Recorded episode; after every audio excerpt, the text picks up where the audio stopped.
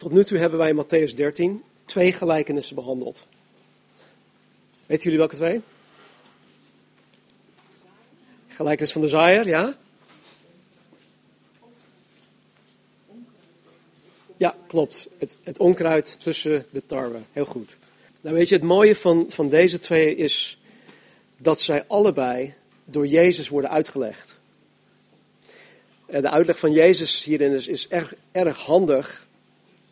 Ik vond het erg handig. Want zonder uitleg zijn deze gelijkenissen eigenlijk niet te begrijpen. En vandaar dat de discipelen op een gegeven moment ook aan Jezus vroegen: wat, wat heeft dit te betekenen? Leg het alsjeblieft uit. Maar nu, de derde tot en met de zevende gelijkenis, die krijgen geen uitleg. Ja, jammer. En het lastige ervan is dat door de eeuwen heen zijn verschillende interpretaties ontstaan van deze gelijkenissen. Dus de vraag is, welke theoloog of welke bijbelleraar heeft nou gelijk? In mijn voorbereidingen heb ik ontzettend zitten worstelen met de tekst, maar ook gewoon met God. en al biddend en smekend, Heer, help me dit te begrijpen alsjeblieft. En dit heeft ertoe geleid dat ik uiteindelijk wel tot een conclusie ben gekomen waarmee ik tevreden ben. Maar dat ik vanmorgen niet verder kom dan de gelijkenis van het mosterdzaadje. Het wordt dus een ja, korte preek, denk ik. Het, het gemiddelde is, is ongeveer 40 minuten. Misschien wordt het iets korter.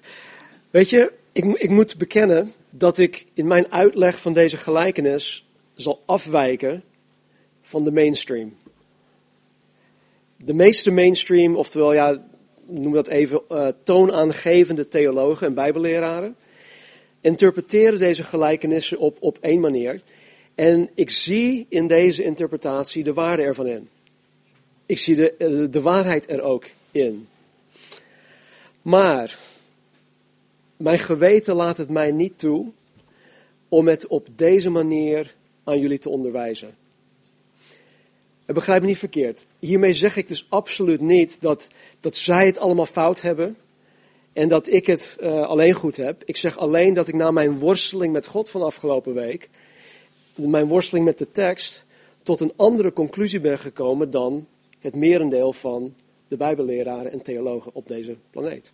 Dus, om het zo eerlijk mogelijk te houden, zal ik zowel de mainstream interpretatie aan jullie voorleggen en ik zal mijn interpretatie aan jullie voorleggen.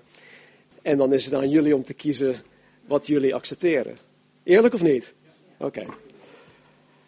Nou, ik moet er ook nog bij zeggen dat er andere zeer getrouwe bijbelleraren en theologen, die ik ook hoog heb staan, dat zij er ook zijn die mijn interpretatie delen. Dus ik sta er niet alleen voor. Maar goed, even als soort van disclaimer. Dus haak alsjeblieft niet af. Blijf bij de les. Oké, okay, Matthäus hoofdstuk 13, vanaf vers 31. Eigenlijk vers 31 en 32. Een andere gelijkenis hield Jezus hun voor. Hij zei: Het koninkrijk der hemelen is gelijk aan een mosterdzaad, dat iemand nam en in zijn akker zaaide. Dat is wel het kleinste van al de zaden, maar als het opgegroeid is, is het het grootste van de tuingewassen en het wordt een boom, zodat de vogels in de lucht een nest komen maken in zijn takken. Tot zover. Casper, heb jij de lijst van de, de, de teksten voor de vertaling? Nee. Eén moment. Sorry hoor. Ja.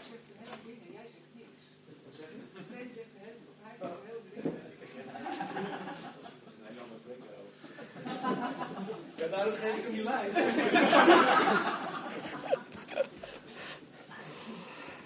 Oké, sorry, neem me niet kwalijk. Het mosterdzaadje, dat, dat stond destijds bekend als het kleinste van alle zaden onder de tuingewassen. En de toehoorders van Jezus begrepen dat Jezus hier niet bedoelde dat het mosterdzaad het kleinste van alle zaden is. Ik heb een foto van een uh, mosterdzaadje. Het is vrij klein. Als jullie ooit grove mosterd hebben gegeten, dan zie je die kleine zaadjes ook in de mosterd. Maar dat is dus een, een mosterdzaadje. Nou, de reden waarom ik dit aanhaal is omdat er critici zijn die beweren dat Jezus niet weet waar hij het over heeft. want ja, het is algemeen bekend dat het mosterdzaad niet het kleinste zaadje is onder alle zaden. Maar goed, in dit voorbeeld zegt Jezus dat het kleine mosterdzaadje dat in een akker gezaaid wordt, dusdanig groot groeit dat het in staat is om vogelnesten te ondersteunen. Sterker nog, Jezus zegt zelfs dat het mosterdzaadje een boom wordt. Kijk, de algemene strekking van, van deze gelijkenis is dat iets dat zeer klein is, een mosterdzaadje, heel groot wordt. Dat is in principe de algehele strekking van deze gelijkenis. Nou, wat zeggen de mainstream theologen hierover? Het mosterdzaad vertegenwoordigt het, het prille begin van het koninkrijk der hemelen. Weten jullie nog, in de eerste inleiding had ik het over het universele koninkrijk van God. Iedereen en alles behoort tot het universele koninkrijk van God. Je hoeft alleen maar te zijn en dan maak je onderdeel uit van dat koninkrijk. En dan heb je een door, ehm, door bemiddeling tot stand gebracht koninkrijk. En dat is heel iets specifiek en het is tot stand gekomen door de bemiddeling van Jezus Christus. En daar kom je niet zomaar in. Daar moet je, daarin, je moet daarin geboren worden, je moet daarin wedergeboren worden. Dus het mosterdzaad vertegenwoordigt het prille begin van het door bemiddeling tot stand gebracht koninkrijk van God. En, en de kerk, vanaf Pinksteren tot heden, de kerk maakt deel uit van dat koninkrijk. Nou, het begon bij Jezus. Vervolgens koos Jezus twaalf discipelen die hij persoonlijk had getraind. En vervolgens de opdracht gaf om precies hetzelfde te doen wat Jezus hier op aarde heeft gedaan. Nou, na de hemelvaart, fast forward, uh, na de hemelvaart tijdens Pinksteren waren er 120 discipelen in de bovenzaal aan het bidden en die wachten op de belofte van God de Vader, de doop met de Heilige Geest. Vervolgens, nadat Petrus vervuld was met de Heilige Geest, gaf hij in Handelingen 2 een preek, zijn eerste preek, in de kracht van de Heilige Geest. En in één klap werden er 3000 zielen toegevoegd aan dit koninkrijk. Even later, in Handelingen 4, werd dit aantal 5000. Nou, voor het eind van de eerste eeuw verspreidde het evangelie zich tot aan Europa, Afrika, Klein-Azië, enzovoort, enzovoort. En vandaag de dag, zo'n 2000 later, is het evangelie tot ons gekomen. 2000 jaar later.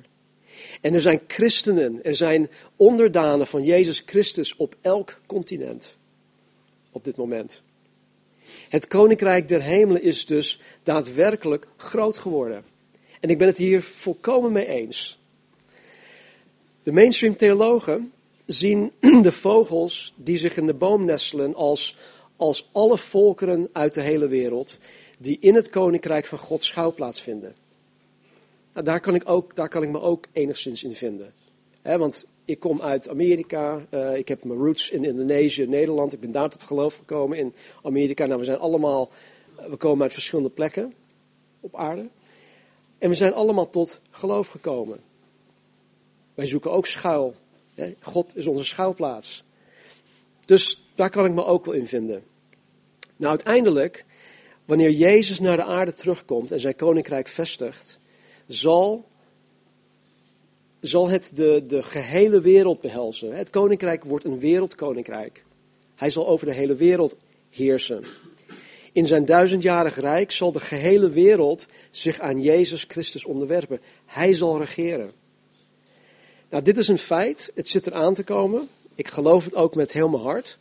Maar is, is dit wat Jezus met deze gelijkenis bedoelde? Dat is de vraag. Nu dit. Over het algemeen worden mosterdplanten niet zo groot. Hebben jullie ooit een mosterdplant gezien? Nee. Nou, in Californië groeien ze zelfs in, in, in, het, in het wild. Je hebt, je hebt overal velden met, met, met mosterdplanten. En die, het zijn struiken. En die worden gemiddeld zo'n meter of anderhalf meter hoog. Dus niet echt, echt groot. Er is wel één soort dat veel groter wordt dan het gemiddelde. En deze kan zo'n drie meter hoog worden. Maar Jezus zegt hier, in vers 32 dat als het opgegroeid is, is het het grootste van de tuingewassen en het wordt een boom. Hij zegt het wordt een boom, zodat de vogels in de lucht een nest komen maken in zijn takken. Kijk, op dit punt wordt het voor mij erg moeilijk om mee te gaan in de interpretatie van de mainstream theologen. En ik zal je vertellen waarom.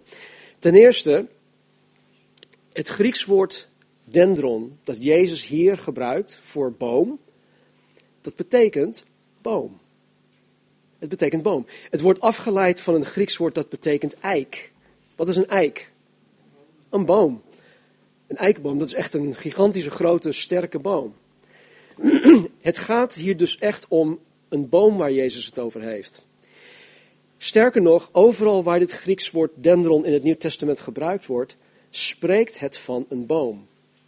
Het spreekt niet van een grote struik, het spreekt van een boom. Dendron betekent gewoon boom. Ja? Duidelijk? Oké. Een mosterdplant is een struik.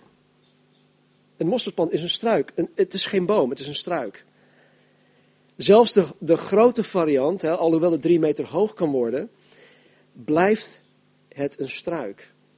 Het wordt geen boom. Een mosterdzaad wordt geen boom. Dus als Jezus hier zegt dat het koninkrijk der hemelen gelijk is aan een mosterdzaad, dat een boom wordt, dan trek ik de conclusie dat er iets onnatuurlijk aan de hand is. Dat er iets ongewoon, ongebruikelijk aan de hand is. Eh, in mijn optiek is er nu sprake van een, van een, een, een zekere afwijking. Er is sprake van een abnormale groei. Ik weet niet of hoeveel van jullie, of ja, hoeveel van de geschiedenis van de kerk jullie weten. Maar er was een moment dat, um, dat Rome, Romeins Rijk, gezegd had: oké, het christendom is geweldig, iedereen moet christen worden. En dat heet dan het kerstenen van de wereld van het Romeins Rijk. En in de eeuwen navolgend op het kerstenen van het Romeins Rijk groeide het christendom ver buiten het zuiver navolgen van Jezus Christus. Jezus riep de, zijn discipelen, riep de menigte naar zich toe. Hij zegt, als je een christen wil zijn, als je een christen wil worden, dan moet je jezelf verloochenen. Je moet je kruis opnemen, dat wil zeggen sterven aan jezelf. En dan pas mij navolgen. Nou, het, het kerstenen van de wereld, dat, dat werd gewoon een religie. En het had niets meer te maken met het zuiver navolgen van Jezus Christus. Het christendom groeide dus abnormaal. En het groeide abnormaal in de zin dat het beïnvloed en bepaald werd door, uh, door het sociale, door het politieke, door het economische, door het seculiere, het wereldse. Het werd sterk bepaald door al deze andere invloeden. En ondanks dat er door de eeuwen heen veel goede dingen in de naam van Christus zijn gebeurd, zijn er helaas ook heel veel dingen of verschrikkelijke dingen in de naam van Jezus Christus gedaan. Ja? Denk, denk alleen maar even aan, aan de kruistochten van de middeleeuwen. Hoeveel mensen niet zijn omgekomen in de naam van Jezus Christus. En denk aan het conflict tussen de Rooms-Katholieken en de protestanten in Noord-Ierland. Door de jaren heen. Er zijn heel veel um, verschrikkelijke dingen in de naam van Jezus Christus gedaan. Wij zien vandaag de dag ook de secten zoals de bekende Jehovah's getuigen, de Mormonen. En alhoewel zij zich met het christendom identificeren, zijn het geen wederom geboren christenen. Het zijn geen navolgers van Jezus Christus zoals Jezus het in de Bijbel bedoeld heeft. Nou, daarnaast zijn er ook nog eens verschillende uh, stromingen binnen het christendom die sterk afwijken van de gezonde leer van de Bijbel.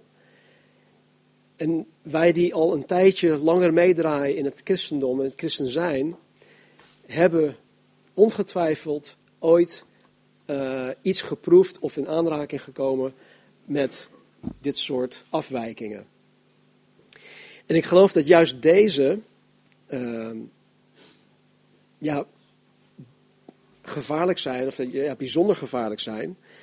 Want deze valse leraren en valse profeten zijn de kerk binnengeslopen. En dat, dat zegt Judas ook. Ze zijn binnengeslopen zonder dat het gemerkt werd. En helaas wordt er in te veel gevallen geen onderscheid gemaakt tussen het, het echte en het valse. En helaas is het ook zo dat ongelovige mensen die geen onderscheidsvermogen hebben, sowieso niet, alles dat zich christelijk noemt op één grote hoop gooit. Dus de ongelovige wereld, ondanks dat ik wedergeboren christen ben, zie mij precies hetzelfde als een, een katholiek of als een mormoon of als een Jehovah's getuige. Het is allemaal voor hun één pot nat. We zijn allemaal, dus allemaal hetzelfde. En dit terwijl er zoveel van wat zichzelf christelijk noemt vals is. Nou, ik geloof dus dat wanneer Jezus het in deze gelijkenis over een mosterdzaad heeft dat een boom wordt, dat het gaat om een abnormale groei van dit, dit tussentijds koninkrijk van God. wat Jezus in vers 11 van Matthäus 13 uh, het geheime koninkrijk noemt. want we zitten nu tussen de eerste komst van Jezus en de tweede komst van Jezus. En we zitten nu in die periode van de uh, door bemiddeling tot stand gebrachte koninkrijk. En, en dat, dat is een geheimenis. De hele periode van de kerk, dat werd niet voorspeld in het Oude Testament. Het is geheim gebleven.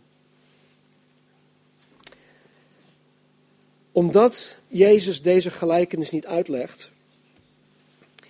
We hebben op dinsdagavond met de zonderschoolmedewerkers een, uh, een aantal dingen geleerd over hoe wij de Bijbel het beste kunnen benaderen. En een van de dingen die we besproken hadden, eigenlijk het hoofd, uh, de, de, hoofdzaak was um, IBS, en dat heet Inductive Bible Study. En dat heet, we noemen dat, um, wat hebben we dat genoemd? Oh, ik had een andere naam verzonnen. ja. Um, verkennen. Verklaren. En verwerken. Oké. Okay. Goed, dankjewel. Um, weet je, als, als ik dit nou tegenkom, vers 21, 21 en 32, dan, dan kan ik niet anders meer dan uh, de Bijbel op die manier benaderen. En ik, ik stel vragen, hoe zit dat nou? Wat, hè, wat moet ik hier nou mee?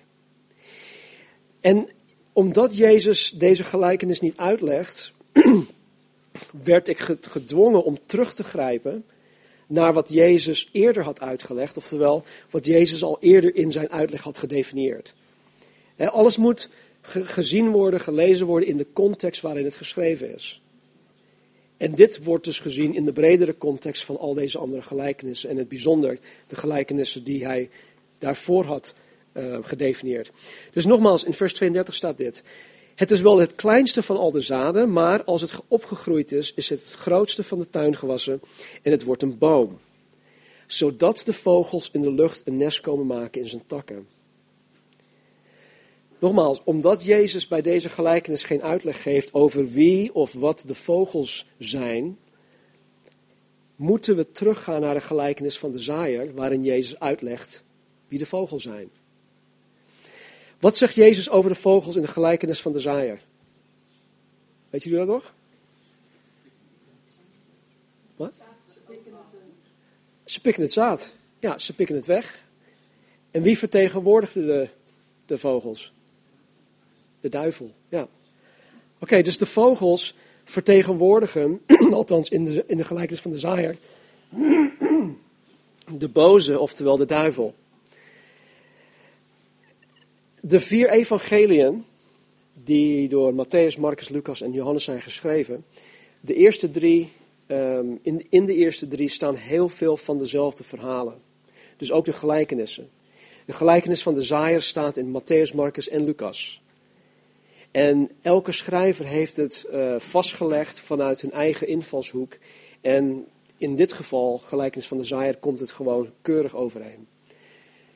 Met andere dingen um, zie je hier en daar wat verschillen. Maar goed, als jij een uh, vliegtuig ziet neerstorten en je vraagt tien verschillende mensen wat er gebeurd is, dan krijg je ook tien verschillende um, verhalen te horen van het exactzelfde gebeurtenis.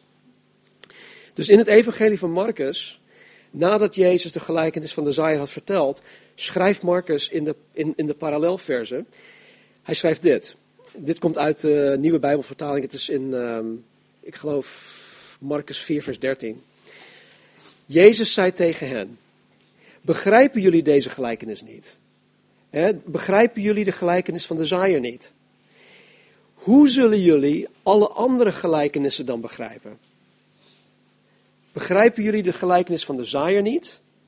Nee. Oké, hoe zullen jullie dan alle andere gelijkenissen begrijpen of dan begrijpen? Met andere woorden, jullie moeten deze gelijkenis begrijpen, want in deze gelijkenis definieer ik belangrijke dingen die jullie nodig hebben om de andere gelijkenissen te kunnen begrijpen. Is dat te volgen? Ja, oké. Kijk, Jezus is zo, het is zo gaaf. Hij nodigt zijn discipelen uit. Hij trekt hen naar, naar, naar zichzelf toe. En hij zegt, ik wil jullie de geheimenissen van het koninkrijk der hemelen geven.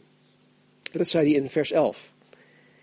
En in deze eerste gelijkenis, de gelijkenis van de zaaier, had Jezus een aantal zaken gedefinieerd. En zodat hij uh, in de daaropvolgende gelijkenissen geen uitleg meer hoefde te geven. Dus aan de hand van de uitleg van de gelijkenis van de zaaier kom ik persoonlijk en een aantal anderen met mij tot een andere conclusie over de vogels die zich in de boom nestelen.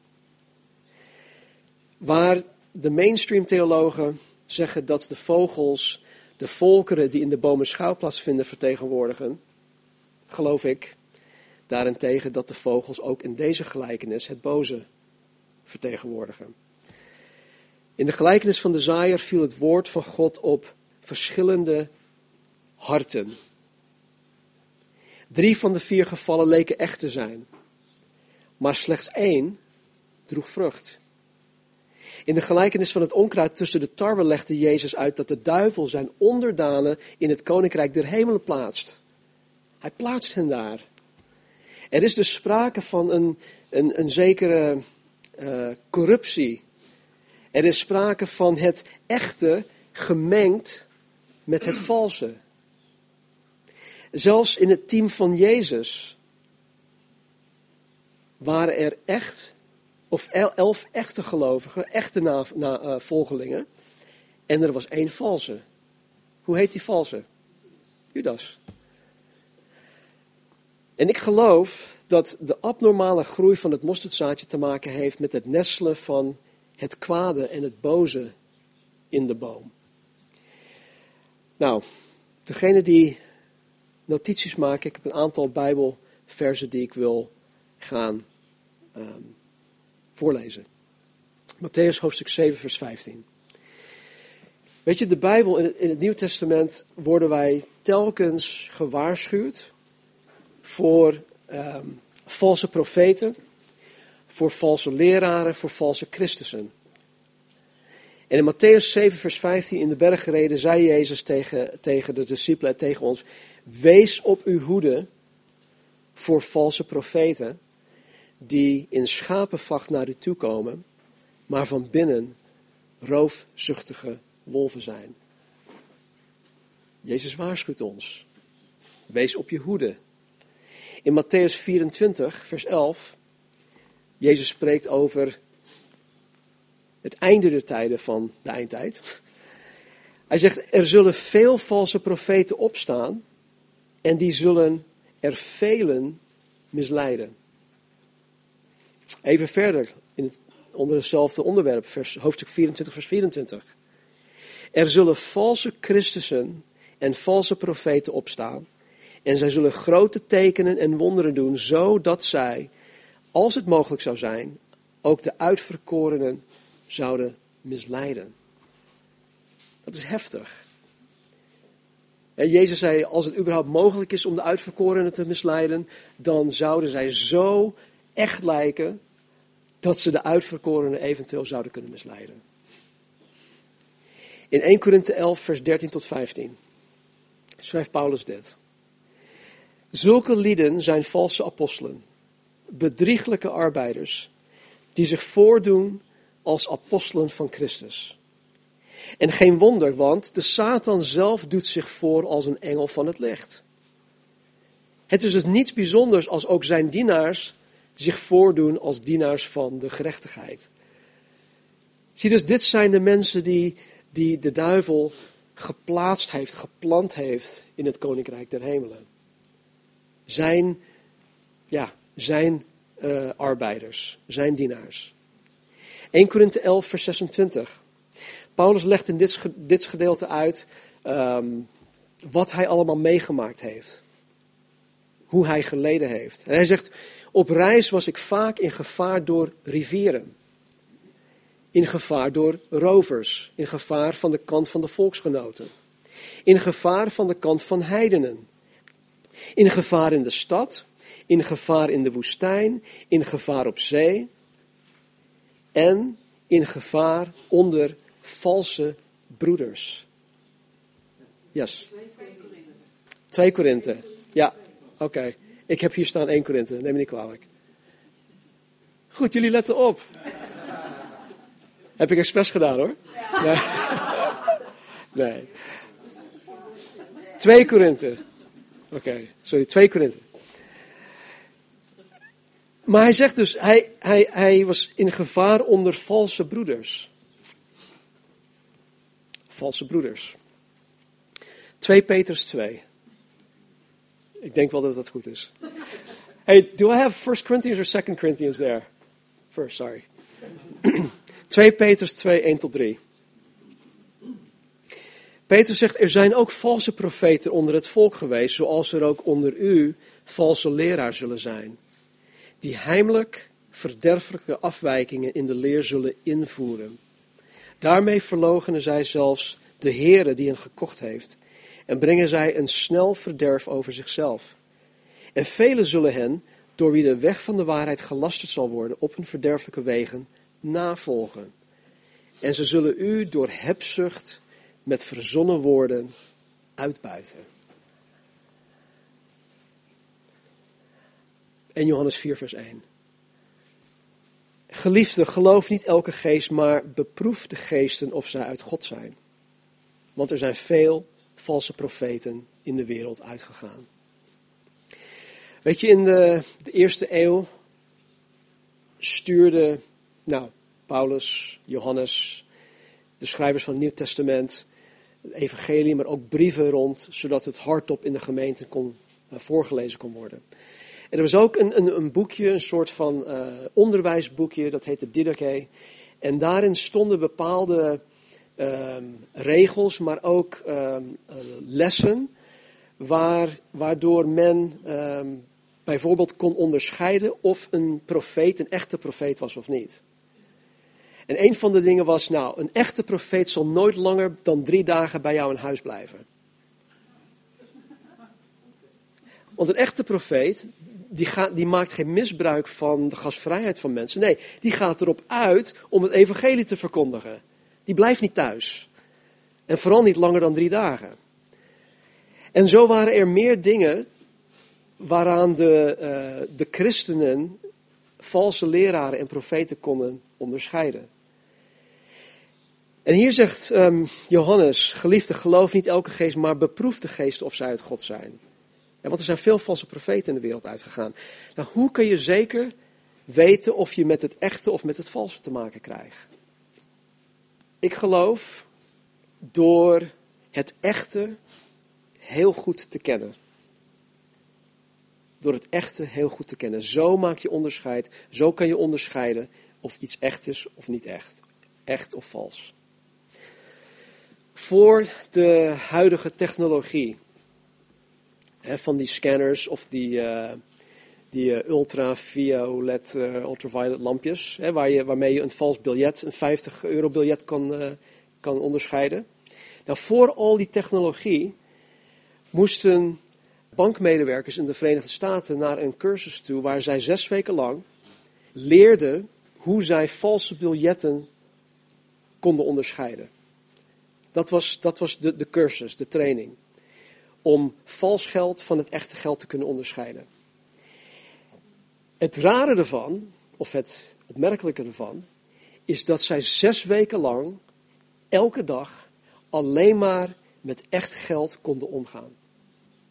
Ze hadden geen, in, die, in zes weken tijd hadden ze geen enkel vals biljet in handen gekregen of gezien. Ze kregen alleen het echt geld in hand. Waarom? Omdat zij het echte zo goed leerden kennen. Hoe het rook, hoe het voelde, hoe het eruit zag. Alles. Ze kenden het door en door.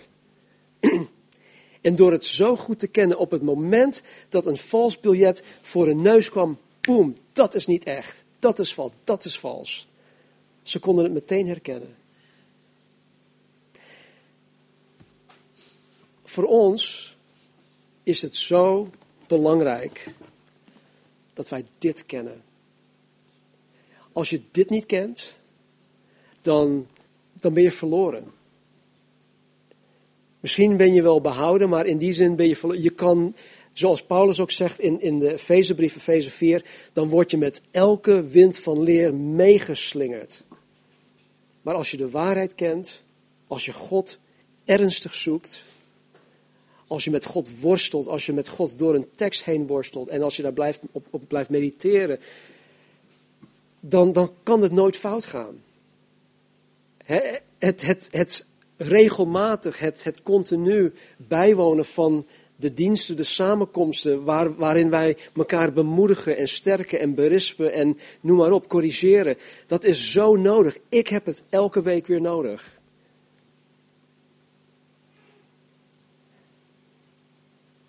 Want als je dat niet doet, dan ben je makkelijke prooi voor de dienaren van de Satan. Die willen je uitbuiten. Die willen misbruik van je maken.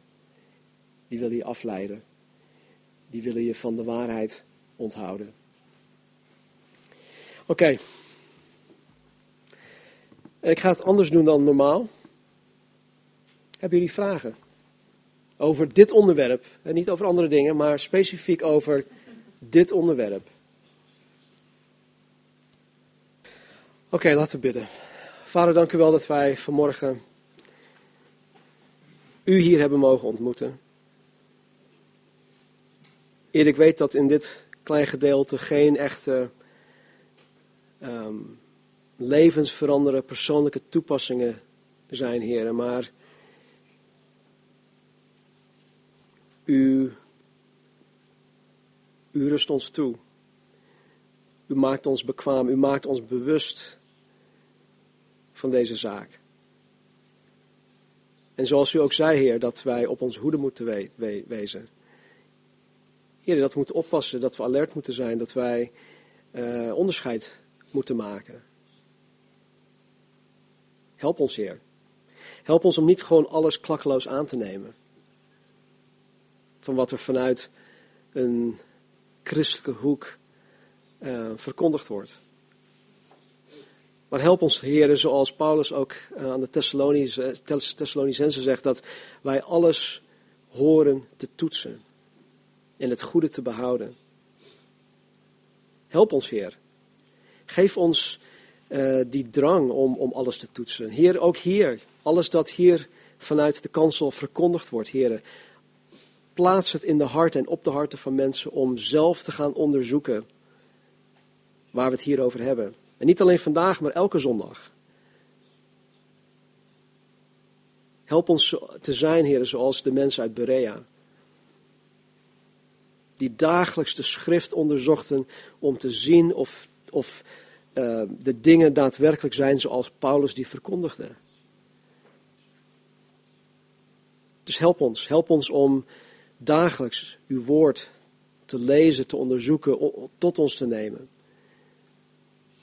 Want Heer, uw woord geeft ons onderscheidingsvermogen. Uw woord en uw geest. Het gaat niet erom hoe slim we zijn. Het gaat er niet om hoe geleerd we zijn. Het gaat er niet om hoe, uh, hoeveel ervaring we hebben. Of hoe, of hoe lang we al meedraaien. Het gaat erom dat uw woord gestalte krijgt in ons leven. Dus help ons daarbij. Help ons om waakzaam te zijn. En Heer, ondanks wat hier staat in Matthäus 13, 31 en 32, verlangt u van ons, verwacht u van ons, vereist u van ons dat wij doorgaan met de grote opdracht. Dat wij doorgaan met het zaaien en het blijven zaaien en het bidden en het blijven bidden voor mensen om ons heen die u nog niet kennen. Dus Heer, geef ons alstublieft een vernieuwde passie, Heer, voor de verlorenen. Geef ons een vernieuwde passie om uw woord met mensen te delen. Om onze eigen getuigenissen, ons eigen verhaal met mensen te delen. Heer, dat is zo krachtig. Dank u wel. En dank u voor een ieder, Heer, die vanmorgen aanwezig is. Zegen en stel ons tot zegen. In Jezus' naam. Amen.